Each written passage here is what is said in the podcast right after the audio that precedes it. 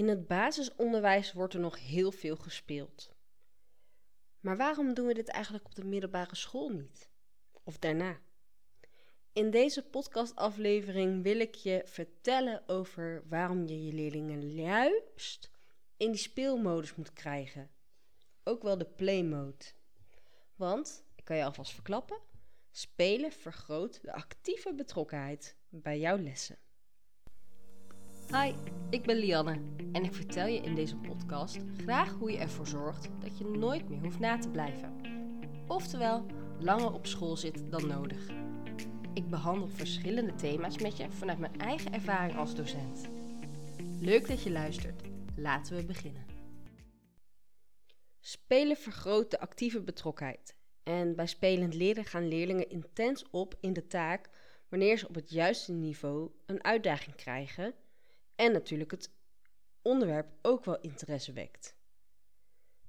Leerlingen komen in een soort van flow staat wanneer hun energieke focus en volledige betrokkenheid ehm, ja, een soort van transformeert. Wanneer de tijd vliegt, zal ik maar zeggen. Wanneer dit gebeurt in je les, heb je niet alleen een lekker goed gevoel voor jezelf, maar ook voor je leerlingen. Maar je hebt ook gemerkt dat die actieve betrokkenheid eigenlijk een verbetering is van je lesmateriaal.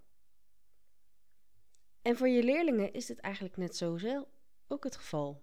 Want doordat zij lekker actief aan de gang zijn, spelenderwijs dus, gaat hun hersenen op een andere manier werken. En de volgende keer wanneer ze weer bij jou in het klaslokaal komen, zullen ze ook weer een soort van signaal krijgen met hun hersenen van hé, hey, vorige week deden we dit, dat was echt heel leuk.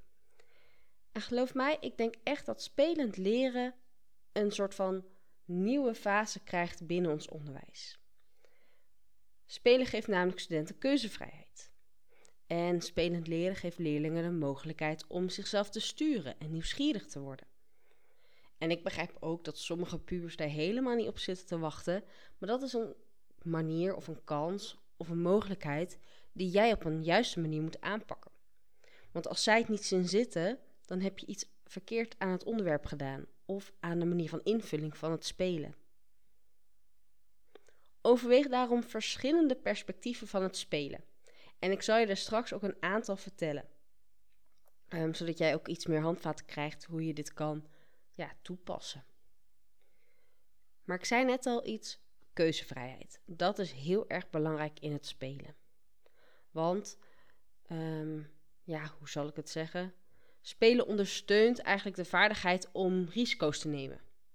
Om dingen uit te proberen. Want hè, je kan niet afgaan bij spelen.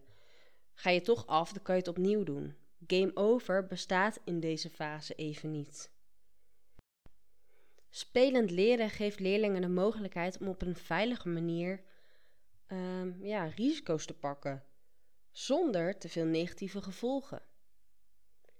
Eigenlijk kunnen ze dus vallen en opstaan in jouw les. En zodra jij die veilige basis creëert, gaat het helemaal goed. Spelen helpt leerlingen verder zich sociaal en emotioneel te ontwikkelen, iets wat je waarschijnlijk al eerder ergens hebt gehoord.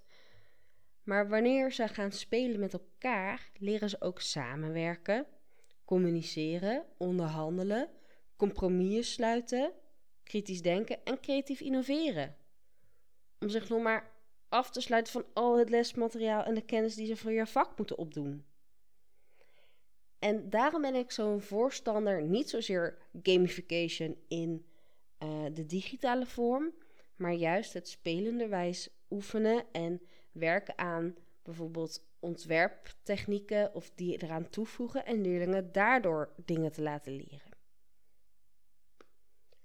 Om je een voorbeeld te geven vanuit de praktijk, ik heb wel eens het project The Green Arrow gedaan, waarbij ik aan leerlingen vertelde dat wanneer ze um, de Green Arrow als naam zouden gebruiken voor een nieuw bedrijf, ze gegarandeerd succes zouden hebben. En ik gaf ze vervolgens een krat met allerlei knutselspullen.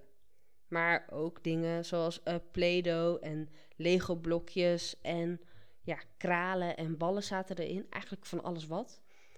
En ze moesten met die producten, of die, dat knutselmateriaal, moesten ze een product gaan ontwerpen. Wat dus bij de naam The Green Arrow paste. Hierdoor daagde ik leerlingen uit om een concept, een verhaal of een soort van ja, echt een product te ontwerpen wat daarbij zou passen. En omdat ze dit in groepjes moesten doen, moesten ze met elkaar gaan overleggen, kritisch nadenken, creatief nadenken en alle vaardigheden eigenlijk die ik net ook al heb genoemd. Ik wil je nog een aantal andere voorbeelden geven, want ik kan me voorstellen dat niet alleen maar kunstdocenten deze podcast luisteren. Um, gebruik bijvoorbeeld dus uh, om een metafoor te maken voor bijvoorbeeld een stukje geschiedenisles. Gebruik stoepkrijt om een tijdlijn te maken van. Ja, nu heb ik weer geschiedenis in mijn hoofd. Ik zal even proberen een ander vak uh, te, oh, nou met wiskunde bijvoorbeeld. Dat je grafieken gaat tekenen buiten op, met stoepkrijt. Je kan ook Lego heel goed inzetten bij uh, wiskunde door met ruimtelijkheid te gaan werken. Nou, los van die materialen, rollenspellen zijn natuurlijk ook een hele leuke manier om uh, spel in het klaslokaal te krijgen.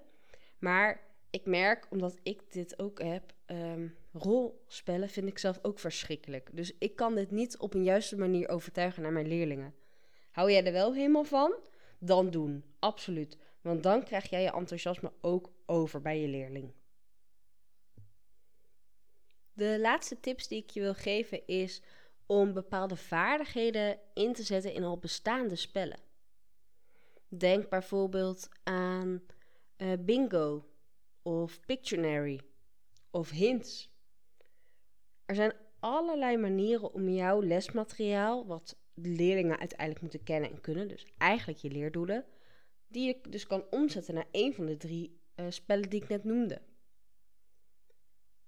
Als je het niet ziet zitten hoe je eenvoudig een spel kan aanpassen, uh, waarvan je al weet hoe je het moet spelen, overweeg dan hoe leerlingen de vaardigheid kunnen oefenen met bijvoorbeeld een wedstrijdelement, het element van toeval of strategie, of met raden.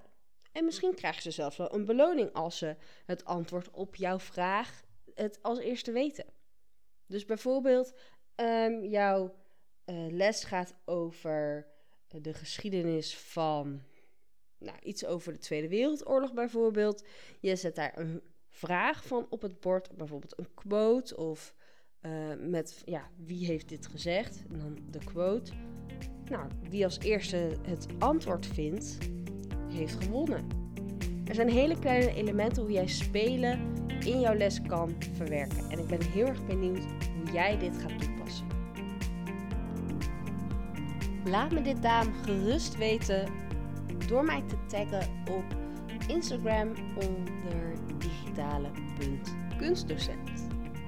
En als je even vastloopt, maar je heel graag mee aan de gang wilt, hoor ik het ook graag van je. Tot volgende week weer.